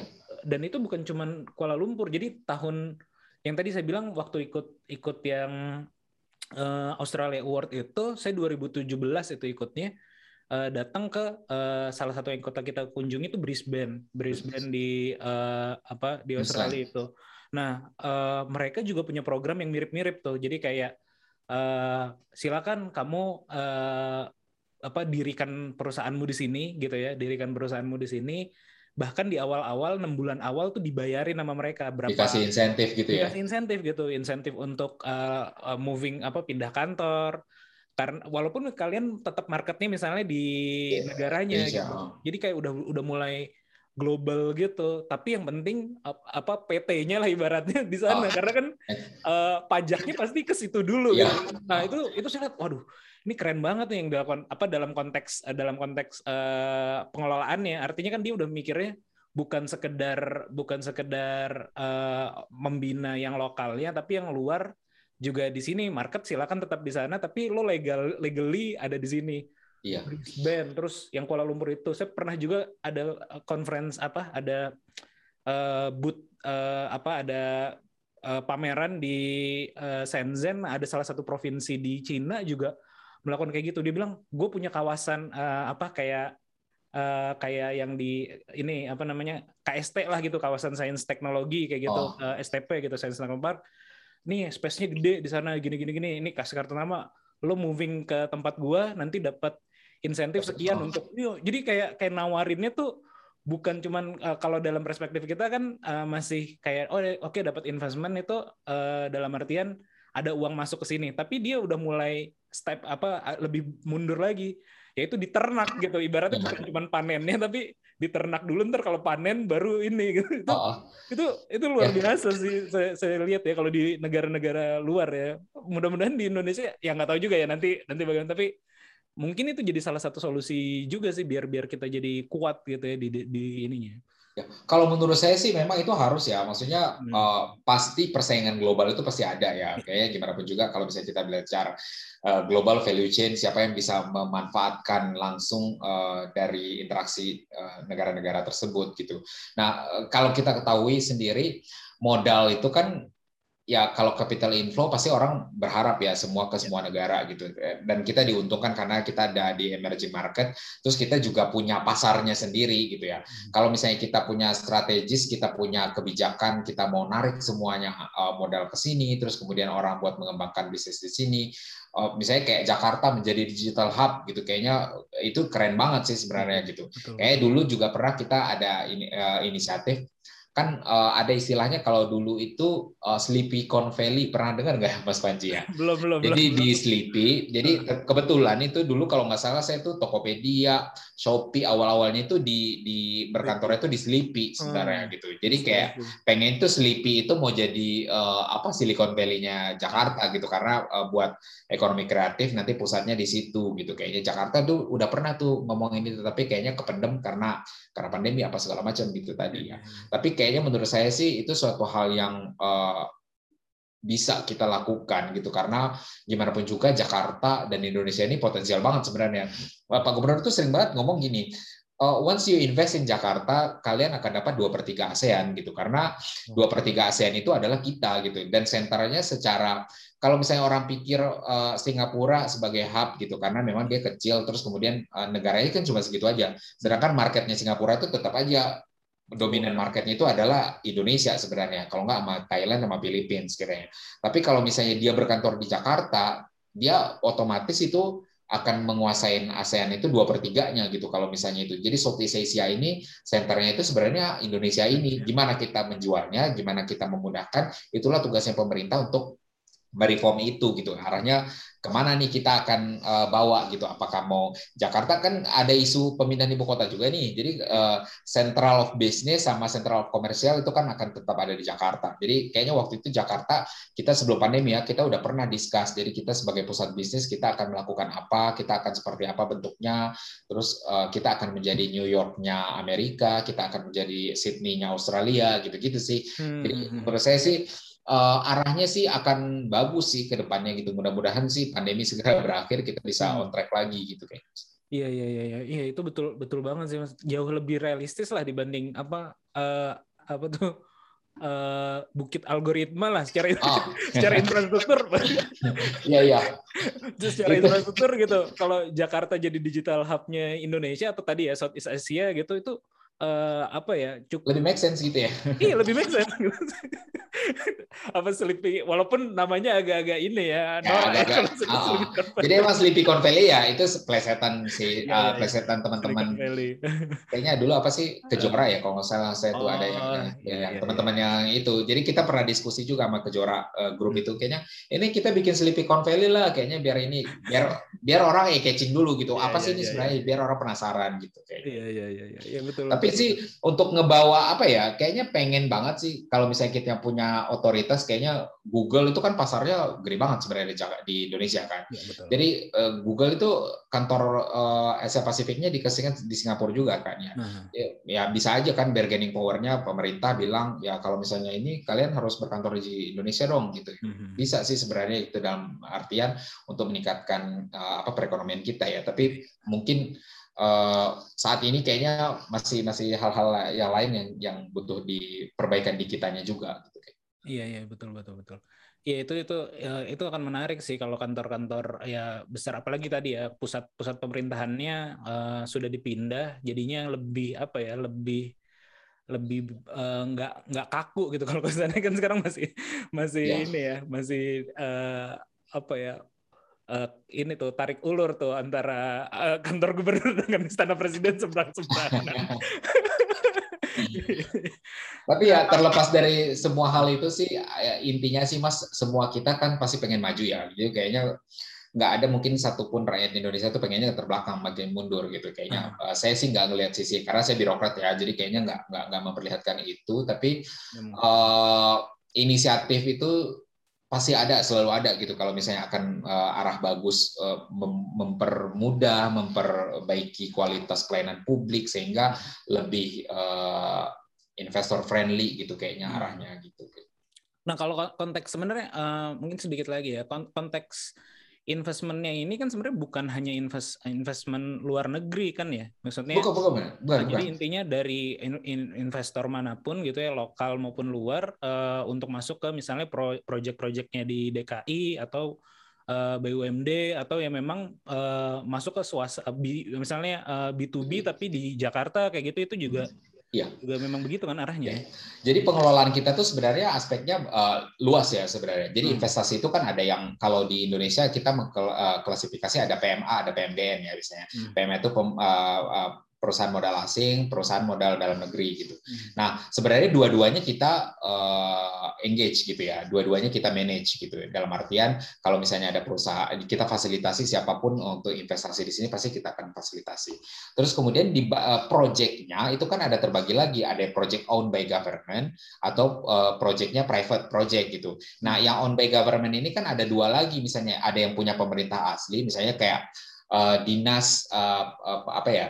Eh, dinas PPK UKM akan bikin startup eh, apa bikin eh, hub untuk startup misalnya gitu kan itu juga eh, project-nya pemerintah sebenarnya. Hmm. Itu tapi di owned Atau by stadion government mungkin ya atau bikin stadion. kan- stadion gitu kayak Hmm. misalnya kan dinas olahraga misalnya bikin Ah. stadion nah itu kan juga punyanya pemerintah gitu atau mungkin project yang memang uh, punya BUMD misalnya kayak LRT MRT itu kan memang uh, kalau nggak pasar jaya dia mungkin uh, revitalisasi pasar gitu kan itu juga uh, investasi kan sebenarnya di situ. Nah ini kita manage nih kita akan mempromosikan dan kita juga akan fasilitasi investor yang mau masuk ke situ. Tentunya ada aturan mainnya sendiri. Kalau masuk ke project pemerintah nanti kan mekanismenya ada PPP kalau misalnya pernah dengar private public partnership, public private partnership gitu KPBU ataupun mungkin kalau misalnya ke BUMD dia kan bisa bisnis to bisnis langsung. Jadi dia bisa. Tapi kita cuma bantu fasilitate oh ada investor dari negara ini dia berminatnya di sektor eh, apa eh, transportasi misalnya. Nanti kita panggilin BUMD transportasi kita kalian ngomong ini ini ini, ini cocok nggak? Nanti kita laporkan ke gubernur gitu gitu misalnya. Atau kita memang eh, eh, agensi yang memang memfasilitasi itu.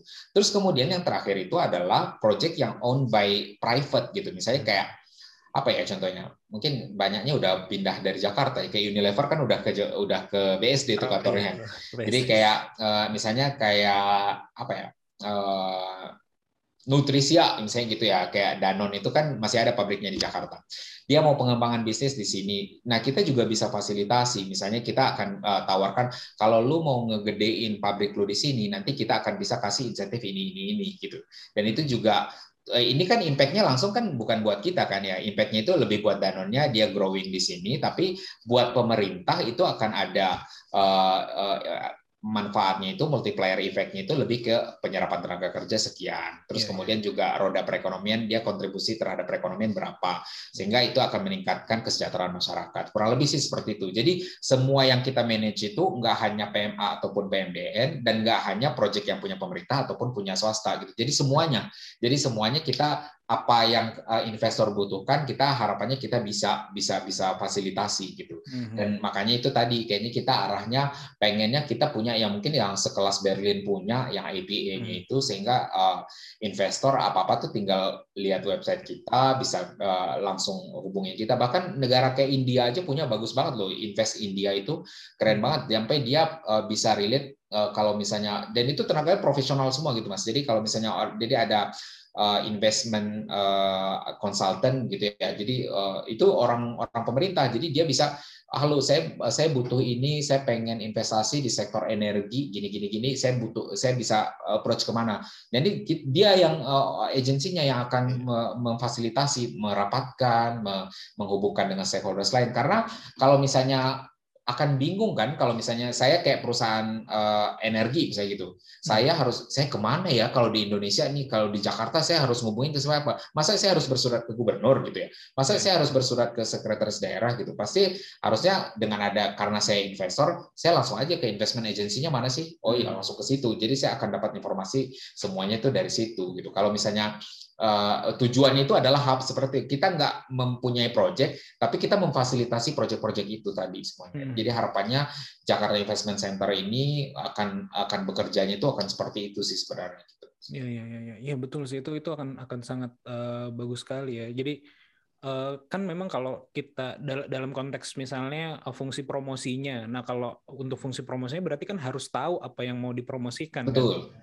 Dan kayaknya memang tadi ya kalau uh, profesional yang ada di sana dan uh, spesifik misalnya tadi investment manajernya, nah berarti kan oh. uh, apa ya, dia dia ya memang memang kerjaan sehari harinya gitu uh, bikin portofolio nyari portofolio kayak gitu gitu oh. biar biar bisa di, di... sama ngenilai visibility project misalnya kayak gitu ya. Hmm. Kalau misalnya dulu dulu kan pemerintah tuh bikin project apa, misalnya bikin uh, gedung misalnya kayak gitu kan uh, jarang mempertimbangkan hal-hal yang economic value-nya ya. Hmm. Untuk saat ini kan pasti tentunya arahnya kita impact daripada pembangunan satu gedung itu seperti apa, nanti multiplier efeknya apa aja itu harus kita detailkan sehingga investor mau masuk gitu ya. Karena hmm. gimana pun juga investor kan pasti dia ngelihat uh, oh IRR-nya berapa nih, NPV-nya berapa gitu, pasti akan lihat itu kan. Kalau misalnya nggak masuk ke mereka, pasti mereka nggak akan join gitu. Hmm. Makanya arahnya kita mau once kita mau uh, relate sama investor, kita harus harus lebih profesional lagi. Jadi penempatan orang-orangnya benar-benar orang-orang yang profesional, ngerti akan project, ngerti akan apanya. Jadi kita paham proyeknya seperti apa dan itu yang kita selling gitu. Iya, iya betul betul. Nah kalau kalau kegiatan ini kan lagi ramai juga ya kemarin ya di Jakarta ya. Uh, apakah maksudnya uh, apakah itu memang akan ber, misalnya yang kemarin nih yang kayak uh, Formula E ataupun hmm. misalnya uh, beberapa tahun yang lalu kan sebelum pandemi ada Jakarta Marathon yang kayak gitu-gitu sebenarnya uh, apakah kegiatan-kegiatan kayak gitu sebenarnya juga jadi citra gitu atau jadi bahan promosinya kota gitu. Kalau Berlin kan Berlin Marathon nah itu udah wah itu heboh sih atau Tokyo Marathon gitu kan itu itu heboh gitu kan. Apakah itu strateginya juga gitu-gitu? Ya. Jadi mungkin kalau bisa bicara ya mungkin nggak terlalu saya nggak terlalu detail hmm. tahu Formula E sebenarnya, tapi waktu itu kita pernah uh, tadinya waktu Formula E sebelum pandemi ya, itu Jakarta Investment Forumnya itu akan dikawinkan sama forum itu apa acara itu gitu. Hmm. Jadi uh, pengennya itu adalah uh, mata dunia itu melihat Jakarta gitu ya. Jadi kita harus punya banyak perbanyak event-event internasional gitu. Gimana pun juga kita bukan berarti pro internasional ya, tapi kayaknya capital inflow itu secara ekonomi kan memang dibutuhkan ya. Jadi ketika global value chain dunia itu dunia finansial itu ke mana, ketika Amerika misalnya punya kebijakan ekonomi tapering apa segala macam, pasti aliran dananya kan akan keluar dari Amerika gitu. Jadi sih ke negara-negara emerging, misalnya kayak Vietnam, ke Thailand. Jadi sebagai saingan kita di sini, kita harus jadi apa nih nilai lebihnya di Jakarta gitu. Sehingga gimana caranya kita ngejual ya harusnya kita dapat attention dulu kan dari dunia luar. Makanya salah satu event-event internasional kayak Formula E ataupun kayak uh, apa Jakarta Marathon gitu-gitu hmm. juga juga menjadi ajang buat kita yang kita manfaatkan agar dunia melirik Jakarta gitu. Jadi hmm. jadi meliriknya itu ber oh ternyata Jakarta itu begini loh. Dan waktu itu kan konsepnya keren banget sih Mas Formula E itu uh, latarnya Monas mungkin kalau pernah lihat buka websitenya Formula E itu kan backgroundnya itu udah Monas kan venue-nya kan seperti itu jadi uh, orang bakal tahu oh ini Formula E Jakarta ya gitu. Jadi orang bakal tahu oh ada Monas, ada monumen ada ada Bundaran HI, ada apa yang yang melihat investor itu agak tergugah oh ternyata ada ada ada Jakarta ya gitu. Kadang kadang kan kita juga suka heran kalau bisa kita keluar negeri kayak saya kemarin ke uh, training pas training di Australia di Korea ditanya dari mana dari Jakarta mereka kayaknya oh Jakarta eh walaupun orang umum gitu ya kalau misalnya Jakarta di mana di Indonesia Indonesia itu eh, apa kalau misalnya ngomong Bali oh Bali pasti mereka langsung itu jadi kayaknya uh, kita pengennya awareness uh, masyarakat dunia itu bahwasanya Jakarta ini adalah eksis dan uh, destinasi investasi, destinasi aktivitas ekonomi, destinasi lain-lainnya gitu untuk memajukan kota. Gimana pun juga kita butuh resources dari uh, dunia luar itu tadi gitu. Makanya upaya-upaya event internasional nggak hanya Formula E ya, banyak hal-hal yang lain yang kita laksanakan. Kayak kemarin itu kan kita ada juga GDCN Forum ya Jakarta Collaboration Development uh, Network. Itu mungkin Mas Faz udah pernah cerita kali. Jadi itu dia juga uh, handle itu juga. Hmm. dan itu uh, upaya-upaya itu tetap akan kita galakkan gimana pun juga. Ya tadi comparing Jakarta nggak bisa kita compare sama Surabaya atau Bandung ya. Pasti yeah. comparing Jakarta pasti uh, harus sama internasional. kalau nggak kita nggak akan maju gitu mas. Betul betul betul. Iya iya iya. Iya sih memang memang ini ya uh, kalau kegiatan yang uh, sifatnya eventual bahkan kayak yang 2018 ASEAN Games itu kan juga jadi Oh, iya betul. dampak apa ya apa ya multiplier efeknya itu jadi jadi ya nanti mungkin bukan cuman per se investment atau ketertarikan orang bangun bisnis ini tapi juga pariwisata efek-efek hmm. efek-efek dominonya itu yang yang yang betul. yang luar biasa sih nantinya ya ya uh, ya memang itu itu sih kayak kalau Berlin Berlin Marathon Tokyo Marathon ya itu udah udah kayak ah itu mah uh, apa ya udah jadi kayak udah hajat dunia sih orang-orang orang-orang yang suka lari pasti ngincar ke situ gitu kan. Paling kan gini ya, kalau misalnya kita lihat Berlin, Berlin tuh kayaknya kan kota gitu aja ya. Saya orang datang ke sana tuh mau investasi kayak juga nggak terlalu karena memang dia hmm. pusat uh, pasti orang lebih milih Frankfurt daripada Berlin, hmm, Berlin kayaknya misalnya gitu ya, karena kota bisnis itu di Frankfurt. Frankfurt. Nah, tapi uh, in terms of itu kita juga pengennya itu apa ya uh, strategi pemajuan kota itu kan ngelihat kalau event uh, kayak Jakarta ini misalnya kayak orang datang ke Jakarta kenapa sih gitu ya? Karena dia ibu kota kan waktu itu. Jadi oh, baik itu turis domestik ataupun turis internasional datang ke sini kalau nggak for business, kalau nggak ada urusan lain, kalau nggak cuman kalau sightseeing uh, kan kita lihat uh, pasti kalau mau liburan orang kayaknya kalau misalnya orang tahu Bali pasti orang akan pilih yeah. Bali gitu ya. Tapi gimana caranya kita mengcreate another destinasi pariwisata di Jakarta sehingga orang datang ke Jakarta itu punya yang lainnya. Yeah. Sehingga kita kita juga punya program tuh Mas ada namanya urban tourism gitu. Jadi kayak oh, wisata urban gimana caranya sejarah Jakarta itu kan sebenarnya menarik. Yeah. Banyak orang yang yang yang yang nggak tahu kalau misalnya Jakarta ini tadinya itu Sunda Kelapa, terus habis itu dari kota sampai ke istana, dari istana nanti bangunannya kalau kita lihat itu dari Senen, Cikini sampai ke Jatinegara. Itu kan ada sejarahnya. Dan itu lagi di fulfill sama uh, pemerintah. Jadi kita akan menggodok itu wisata urban itu merupakan salah satu destinasi pariwisata yang akan menarik gitu sehingga ada revitalisasi kota tua, ada program uh, revitalisasi site-site uh, bersejarah Jakarta gitu sehingga itu akan bisa dijual juga. Karena sebagai kota besar kalau tujuan pariwisata kalau kita pikir-pikir, kalau misalnya Mas Panji aja kayaknya mau liburan ke Jakarta atau mau liburan ke Bali, gitu. pasti orang lebih milih ke Bali kan, gitu. Tapi sedangkan Jakarta ini juga punya kepulauan seribu sebenarnya, Mas. Jangan dilupakan juga. Jadi kita punya aset sebenarnya untuk dikembangkan. Jadi kita ada juga inisiatifnya pariwisata DKI Jakarta itu termasuk investasi ya. Kita saya juga lagi menggodok sih. Ada beberapa investor yang udah minat untuk mengembangkan kepariwisataan di New Bali kalau bisa pernah dengar di Pulau Seribu. Hmm.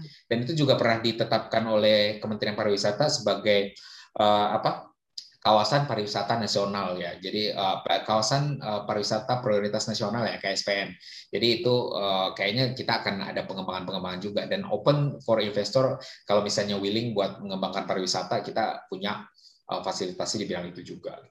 Iya iya iya betul betul sih. Jadi eventual dan juga ya tadi urban apa ya urban tourism kayak di Berlin itu kan ini terkenal memang karena uh, sejarahnya. Karena kan oh, kan perang dunia kedua. Perang dunia tembok Berlin apa gitu gitu ya? Nah in, di Jakarta juga sebenarnya uh, menarik banget sih kalau kalau dikemas atau uh, di Kuala Lumpur ya kalau nggak salah tuh. Nah itu juga aneh sih. Saya, saya pernah datang uh, ke museumnya museum uh, Islam gitu. Jadi kayak oh. uh, uh, apa namanya? Di situ tuh ada sejarah-sejarah Islam dunia tuh. lengkap kayak gitu Nah harusnya harusnya kenapa nggak di Indonesia nggak ada harusnya atau ya, di Jakarta nggak ada? Itu udah ada sih mas, kita udah ada inisiatifnya dan kita kan ada dinas kebudayaan juga tuh sekarang. Jadi kayaknya museum di Jakarta ini lebih akan dikelola secara profesional juga. Dan itu kayaknya kemarin juga sempat sih uh, bisa nggak sih invest dikelola oleh swasta gitu? Kayaknya lebih profesional kan sebenarnya betul, dengan betul, betul, betul. pengelolaannya gitu.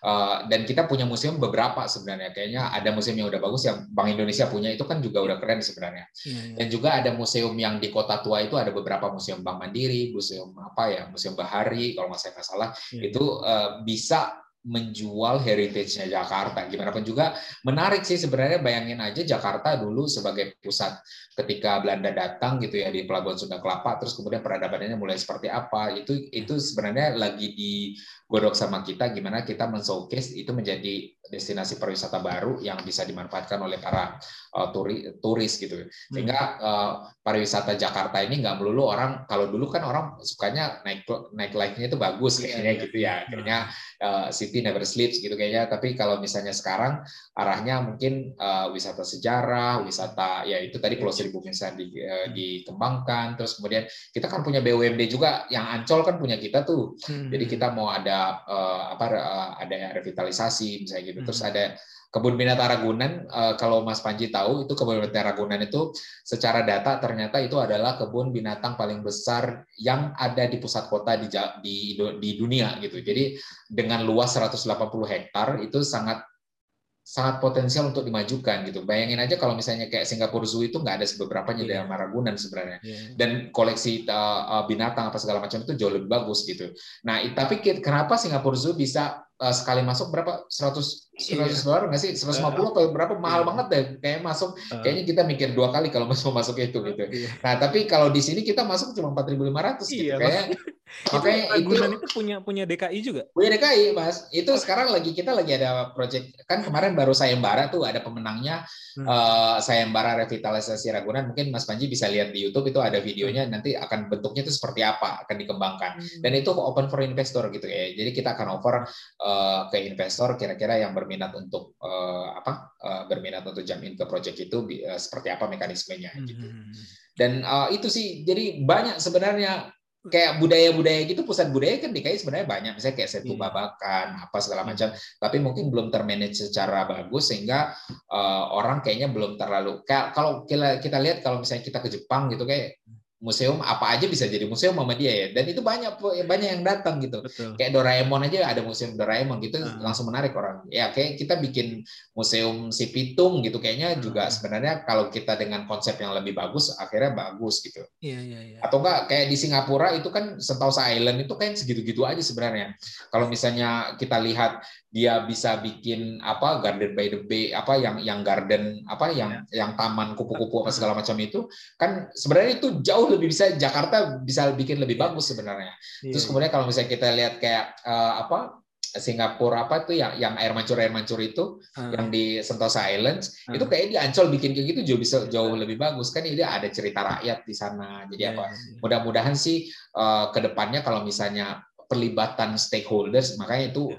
eh, menjadi kunci sih menurut saya kan Pak Gubernur itu kan eh, motonya saat ini adalah Jakarta City of Collaboration ya jadi Hmm. memperlibatkan seluruh stakeholders untuk to build our city itu kayaknya penting banget gitu. Jadi Hmm. kalau zaman dulu kayaknya pemerintah yang bikin semuanya, tapi habis pemerintah bikin nggak taunya nggak disukain eh, masyarakat. Hmm. Jadi jadi kayak eh, wasting gitu ya. Jadi kalau misalnya saat ini sih, kalau misalnya dengan kita melibatkan pihak swasta, kita open any opportunities gitu, terus kemudian financingnya juga macam-macam. Ke depannya kayaknya pemprov akan lebih lebih atraktif. Misalnya mau mau bikin ini, mau bikin ini, sedangkan kita kan APBD kan eh, terbatas segitu-gitu aja ya. Kita nggak mungkin membiayai seluruh proyek, sedangkan kebutuhannya gede gitu. Akhirnya mau nggak mau ya kita harus offer ke investor gitu. Kita akan Hmm. open beberapa inisiatif yang kira-kira bisa di sharing risk dan juga beban itu ke sama investor gitu. Dan investor pun juga bisa mendapatkan profit dari situ gitu kayak.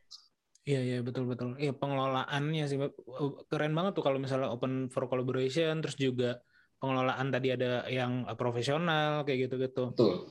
Nggak nggak usah jauh-jauh pernah datang ini ya. Ya memang sih standar standar museum kalau milik daerah atau milik pemerintah itu ya tadi sih memang murah 4.500 Oh, oh. ya, di bawah 10.000 lah. Ada saya pernah datang ada satu museum kayaknya itu yang terbagus ya di Indonesia yang pernah saya datang ya. Eh, tapi museum museum, museum eh, apa namanya seni gitu di Jogja. Saya pikir tadi dikelola pemerintah, tapi ternyata itu swasta. Apa ya namanya ya? Yang itu ya Ulen Eh, Sentalu. Iya, Ulen Sentalu. Bulan Sentalu. Itu kan empat puluh ribu atau berapa ya? Tapi 40.000 worth it ya. gitu. Wor- Eh, worth it. iya. Bagus kan? Bagus banget gitu. Eh, tour guide-nya apa juga juga menguasai gitu. Kalau di kita kan kayak datang eh, kalau umum ya, misalnya di Jogja juga Museum Merapi gitu. Ah. Lah ini apa sih kita mau ngeliat apa? Tidak Kayak, kayak ngeliat gitu-gitu dong ya puing-puing merapi gitu ya. Ya itu menurut saya sih dan memang eh, apa ya untuk penggalian potensinya itu memang harus profesional gitu ya Mas ya. Kayaknya kayak Ulen Setalu itu kan memang benar-benar didesain Ya. orang bakal suka gitu ngeliat di situ ya. Hmm. Jadi kayak eh, dan itu kayaknya memang nggak bisa pemerintah kerja sendiri gitu kayaknya Bang. Pasti harus melibatkan swasta gitu Iya, kayaknya. iya. Tapi Tapi memang menurut saya sih hal-hal yang kayak gitu harus diperbanyak. gitu.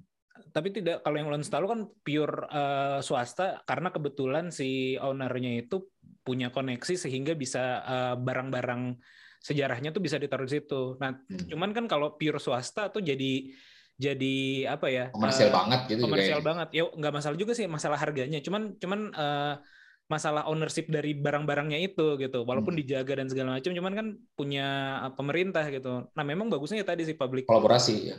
public private partnership kayak gitu-gitu pengelolaannya lebih profesional jadi value-nya meningkat eh, masyarakat worth juga bayar lebih gitu dan masuk kan ke APBD juga ya atau eh, betul. keuntungannya bagi-bagi gitu kan jadinya itu akan akan menarik Sebenarnya mekanisme itu sebenarnya kan agak agak kayaknya kemarin kalau misalnya di level nasional ya Bu Sri Mulyani itu pernah bilang kalau misalnya jangan sampai apa aset negara jangan sampai nganggur gitu ya. Jadi harus dimanfaatkan kalau misalnya ada kalau misalnya pemerintah tidak bisa mengelola ya bisa di sharing sama swasta gitu. Hmm. Itu udah ada ada best practice-nya sih Mas kayak pengelolaan kebun raya Bogor itu kalau misalnya tahu Mas Panji sekarang itu pengelolanya itu ada pihak swastanya. Itu Diandra yang ngelola sekarang. Oh iya, iya. Jadi eh, komersilnya ya, tapi untuk ekologi, konservasi apa segala macam itu tetap eh, LIPI ya. Itu kan di bawah LIPI tuh. Nah, kita pernah berbenchmark juga sama LIPI. eh, bisa nggak sih kalau misalnya beberapa asetnya kita melalui mekanisme itu, tapi eh, regulasinya ternyata itu di Kementerian Keuangan itu masih Iya. di tahap pusat gitu. Di daerah belum bisa diimplementasikan. Tapi Hmm.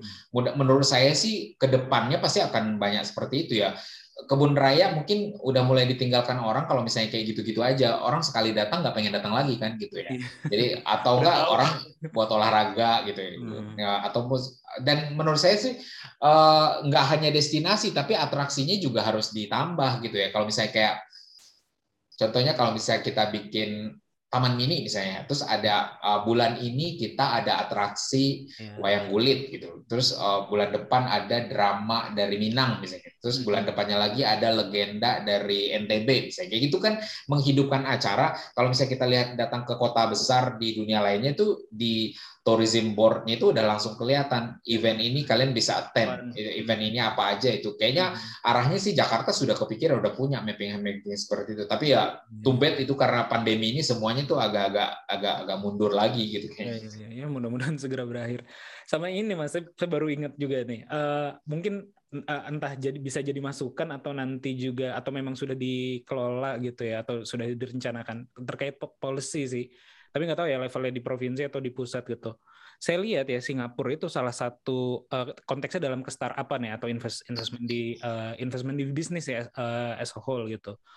Eh, mereka tuh punya kebijakan karena karena kita juga banyak banyak eh, investor yang mau masuk gitu eh, ke bisnis yang saya jalankan kayak gitu. Eh, mereka tapi ya salah satu syaratnya tadi misalnya lo legalnya atau eh, take off-nya dari Singapura ya yang kayak gitu-gitu.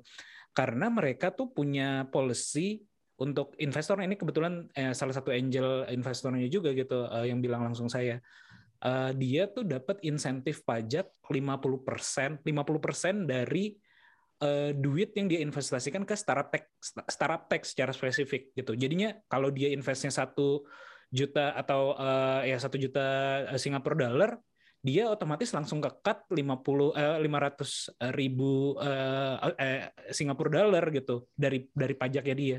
Itu insentifnya in- insentif langsung gitu. Jadi kan kalau startup tech memang eh, eh, resikonya sangat tinggi. Jadi kayaknya untuk men-trigger eh, si pemerintahnya men-trigger investasi ke startup lebih tinggi dengan ngasih insentif untuk investor-investornya kayak gitu. Ya, paham. Jadi dan itu jadi bikin bikin eh, makin banyak geliatnya. ya, angel angel saya lihat nih orang Indonesia sebenarnya kaya-kaya gitu. Cuman kan eh, tadi ya re- resiko untuk eh, ke situnya ya oke gue berani taruh risiko tapi juga eh, kalau ada dalam tanda kutip misalnya bahasa gam- umumnya kan cashback lah ada cashbacknya eh, oke nih kayak gitu atau ya insentif pajaknya kayak gitu itu Iya. Itu akan akan men-trigger tadi ya dari yang eh, startup-startup eh, lokal yang bagus, investor yang kaya-kaya di Indonesia sendiri gitu, itu jadi jadi lebih lebih cepet tuh nantinya tuh. Tapi nggak tahu saya di, di, di- di level mana tuh kalau gitu. Jadi kan kalau misalnya kita ngomongin teks itu kan ada yang otoritasnya ada di kementerian, ada di pemerintah pusat, ada yang di daerah sebenarnya mas. Kalau di daerah itu ada kayak misalnya pajak restoran, pajak eh, apa, pajak kendaraan, pajak eh, bumi dan bangunan, BPHTB gitu-gitu sih ada. Nah di kita sendiri kan ada saya lupa PP berapa ya, PP 24 kalau saya nggak salah. Jadi ada insentif dan disinsentif investasi. Salah satunya itu adalah untuk mendorong fiskal gitu. Jadi eh, fiskal dan kemudahan bentuknya.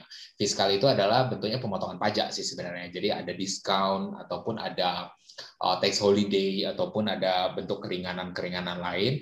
Kalau misalnya dia memanfaatkan aset pemerintah di sektor yang menjadi prioritas pemerintah, dia bisa dapat diskon. Tapi mekanismenya itu yang mungkin harus dimatangkan lagi gitu. Karena di satu sisi kan pemerintah saat ini dengan kondisi pandemi segala macam kan kita butuh dana ya. Maksudnya pendapatan pemerintah utamanya dari pajak ya. Nah, tetapi di satu sisi kita ingin mendapatkan multiplier efek yang lebih lebar. Jadi dalam artian ya kita mau nggak mau kita harus kasih program-program diskon gitu. Nah, itu sih harusnya di pemerintah eh, kalau di pusat kan PPH PPN itu kan adanya di pusat ya. Iya iya iya. Dan itu eh, ya eh, frankly said sih kayaknya memang agak susah juga diimplementasikan karena satu sisi Dirjen Pajak kan butuh eh, pemasukan makin banyak, satu sisi eh, BKPN pengen investasi bisa lebih dan masuk gitu.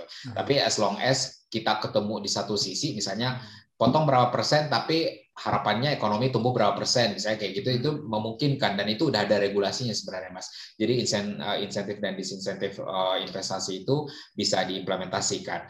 In terms of uh, local government dalam ini DKI Jakarta, kita saat ini sih uh, sedang memapping. Jadi tahun depan tuh kita mau arah bikin perda insentif dan disinsentif ini. Jadi untuk sektor apa yang menjadi prioritas DKI dan juga dibutuhkan, misalnya kayak contohlah uh, dia akan bikin usaha dengan penyerapan tenaga kerja seribu misalnya gitu, Hmm. dia akan bisa dapat fasilitas uh, insentif segini segini segini gitu. Tapi mungkin kita belum kepikiran tuh toolsnya untuk mengukur misalnya kayak startup kayak Singapura kan bisa kalau misalnya dia untuk meningkatkan startupnya kalau misalnya ada nanti dapat insentif ini gitu ya. Eh, tapi pajaknya kalau negara Singapura itu kan negara kecil gitu doang ya. Jadi enaknya eh, dia bisa langsung bikin policy langsung eh, nggak tanpa koordinasi sama pemerintah pusat atau pemerintah daerah gitu. Hmm. Kayak dia juga malah nggak ada pemerintah daerahnya gitu. Jadi emang langsung otoritasnya itu. Jadi kayak memanage Jakarta, memanage Indonesia pun juga nggak bisa di-comparing sama Singapura gitu. Iya. Nah, pasti menurut saya sih eh, untuk insentif dan disinsentif pasti dicocokkan dengan eh, kapasitas fiskal dan juga kapasitasnya daerah itu sendiri. Tapi di kita khususnya untuk di sektor properti ya itu kayaknya kita ada beberapa pembahasan. Jadi kemarin kayak pemotongan BPHTB. BPHTB itu kan eh, kalau kita sektor properti itu pengalian hak kalau ada transaksi itu kan kita dikenakan biaya 5%. Sedangkan eh, 5% dari nilai transaksi ya. Nah, eh, sedangkan kalau di dunia luar katanya itu under 5% keseluruhan. Sedangkan kita di daerah mengecas BPHTB 5%, terus kemudian di pemerintah pusat ada eh, PPH final itu kurang lebih dua dua setengah persen, terus kemudian ada lagi di charge-nya di BPN itu kurang lebih setengah persen. Jadi kita itu 8 persen kalau misalnya sektor properti ingin investasi di Jakarta cost-nya gitu. Nah itu kita pengen kurangin gitu. Uh, kalau misalnya untuk menginvite, tapi karena pandemi ini lagi ya properti juga saat ini kan agak lesu ya. Jadi kayaknya uh, uh, polisinya kayaknya nggak nggak match kalau misalnya kita laksanakan sekarang gitu. Jadi uh, itu inisiatifnya sudah ada, tapi berbagai bentuk ini uh, insentif yang dibutuhkan itu apa, itu bisa to be discussed gitu. Dan itu kita open buat para investor. Kalau misalnya makanya kita uh, apa buka peluang kalau misalnya ada saran dan masukan bisa disampaikan ke pemerintah gitu. Misalnya kayaknya untuk dan kacamata pemerintah kan nggak bisa meneropong semua kebutuhan ya mas ya. Misalnya kayak mas Panji kan di startup tech misalnya kadang kita nggak nggak paham dunia itu gitu. Kadang oh kayaknya ini butuh ini deh butuh ini. Nanti nanti kita bisa kolaborasi nanti oh ternyata yang dibutuhkan startup tech itu hal-hal seperti ini. Jadi bisa aja kita ada FGD ataupun ada diskusi-diskusi yang menyerap aspirasi teman-teman investor gitu sehingga dan juga pengusaha yang butuh butuh butuh apa butuh insentif dan lain-lain dan kemudahan gitu mas. Iya iya iya iya. iya. Oke nih Mas, kita ngobrolnya udah panjang banget ternyata udah. Ya, kepanjangan ya. Kayaknya saya juga saya doyan ngobrol sih sebenarnya makanya. Nanti nanti kita bikin sesi berikutnya lagi kalau Siap. kalau Terima kasih banyak ya udah diundang. Iya, Ini iya. yang sama EVLP udah sama siapa aja Mas? Em, baru Mbak sama Fani udah. baru sama Fanny Fanny. Oh Mbak Fani udah. Ngomongin Ah. apa ya? Saya tuh jarang-jarang ini nanti bagi linknya ya nanti saya lihat-lihat. Iya nggak nggak ini juga sih maksudnya nggak nggak ya ngobrol-ngobrol biasa aja sih jadi mungkin mungkin eh, apa ya menarik bagi beberapa orang nggak nggak terlalu maksudnya biasa-biasa Iya, aja iya, juga kan karena sesuai dengan ininya aja jadi Ya. eh, ya baru-baru dua sih kalau sama apa Mas Budia nanti rilis. Insya Allah Senin eh, saya Oke. rilis. Eh, baru dua. Yang lain belum belum saya ketemu momennya aja. Kalau kemarin kan saya lihat oh lagi update status eh lagi update apa kemarin deh? Eh, posisi ya di LinkedIn kan. Oh ini sekarang jadi ini nih. Ah ajak ngobrol lah gitu. Jadi kebetulan lagi pop up di sosial media jadinya ini. Yang lain belum lah belum belum saya di dunia pemerintah tuh LinkedIn tuh nggak terlalu ini gitu. Kayaknya Ah. saya tuh kemarin kenapa ya? Tiba-tiba saya update karena Hmm. ada kebutuhan buat oh saya harus harus apa namanya harus buat apa ya? Eh, apa LinkedIn tuh kayaknya di dunia pemerintah tuh jarang banget dipakai gitu Mas ya. Iya. Karena memang di kita tuh ya karir udah pasti di situ aja gitu kayaknya jarang-jarang untuk Iya, tapi tapi justru mungkin eh, di posisi-posisi kayak penanaman modal atau yang kaitannya mungkin ada Betul. eh, UMKM atau yang yang itu justru kan profesional pada di situ tuh. Jadi lebih Betul. mudah dan kita tahu oh Iya. ternyata dia nih ngurusin. Atau kan sekarang kalau saya mau ketemu siapa gitu misalnya klien atau apa, saya kan tinggal cari di LinkedIn yang posisinya betul betul. Iya. kan jadi Saya lebih- itu ya kebutuhannya kemarin juga itu sih sebenarnya kita Ah. mau mau mau approach eh, apa eh, toko-toko lainnya gitu ya yang Ah. yang di bagian investasi ataupun di perusahaan-perusahaan lain yang yang kira-kira relate sama kita ya memang harus liatin di LinkedIn-nya juga gitu kayaknya. Iya betul. Oke Mas, terima kasih banyak atas Ya, waktunya Mas nih. Panji, terima kasih banyak. Eh, hari Jumat eh, sore-sore gini masih di kantor. Nggak apa-apa, senang kok berbagi apa maksudnya ngobrol-ngobrol. Jadi buka-buka network ya, buka apa segala macam. Nanti kalau ada apa-apa nanti diinformasikan aja Mas kalau ada saran dan masukan. gitu. Kalau misalnya ada, ya kalau lagi ke Jakarta nanti main-main lah ke kantor. Siap, siap, siap, siap. Insya Allah nanti saya eh, sering sih ke Jakarta, cuman eh, nanti kita kita coba arrange agendanya. Siap. Eh, Oke, terima kasih juga buat yang dengerin sampai akhir. Semoga obrolan kita oh, menarik banget sih. Kalau bagi saya sendiri sangat insightful. Mudah-mudahan buat teman-teman juga. Eh, sampai ketemu di podcast ngobrol bisnis episode berikutnya. Bye. Oke, Mas.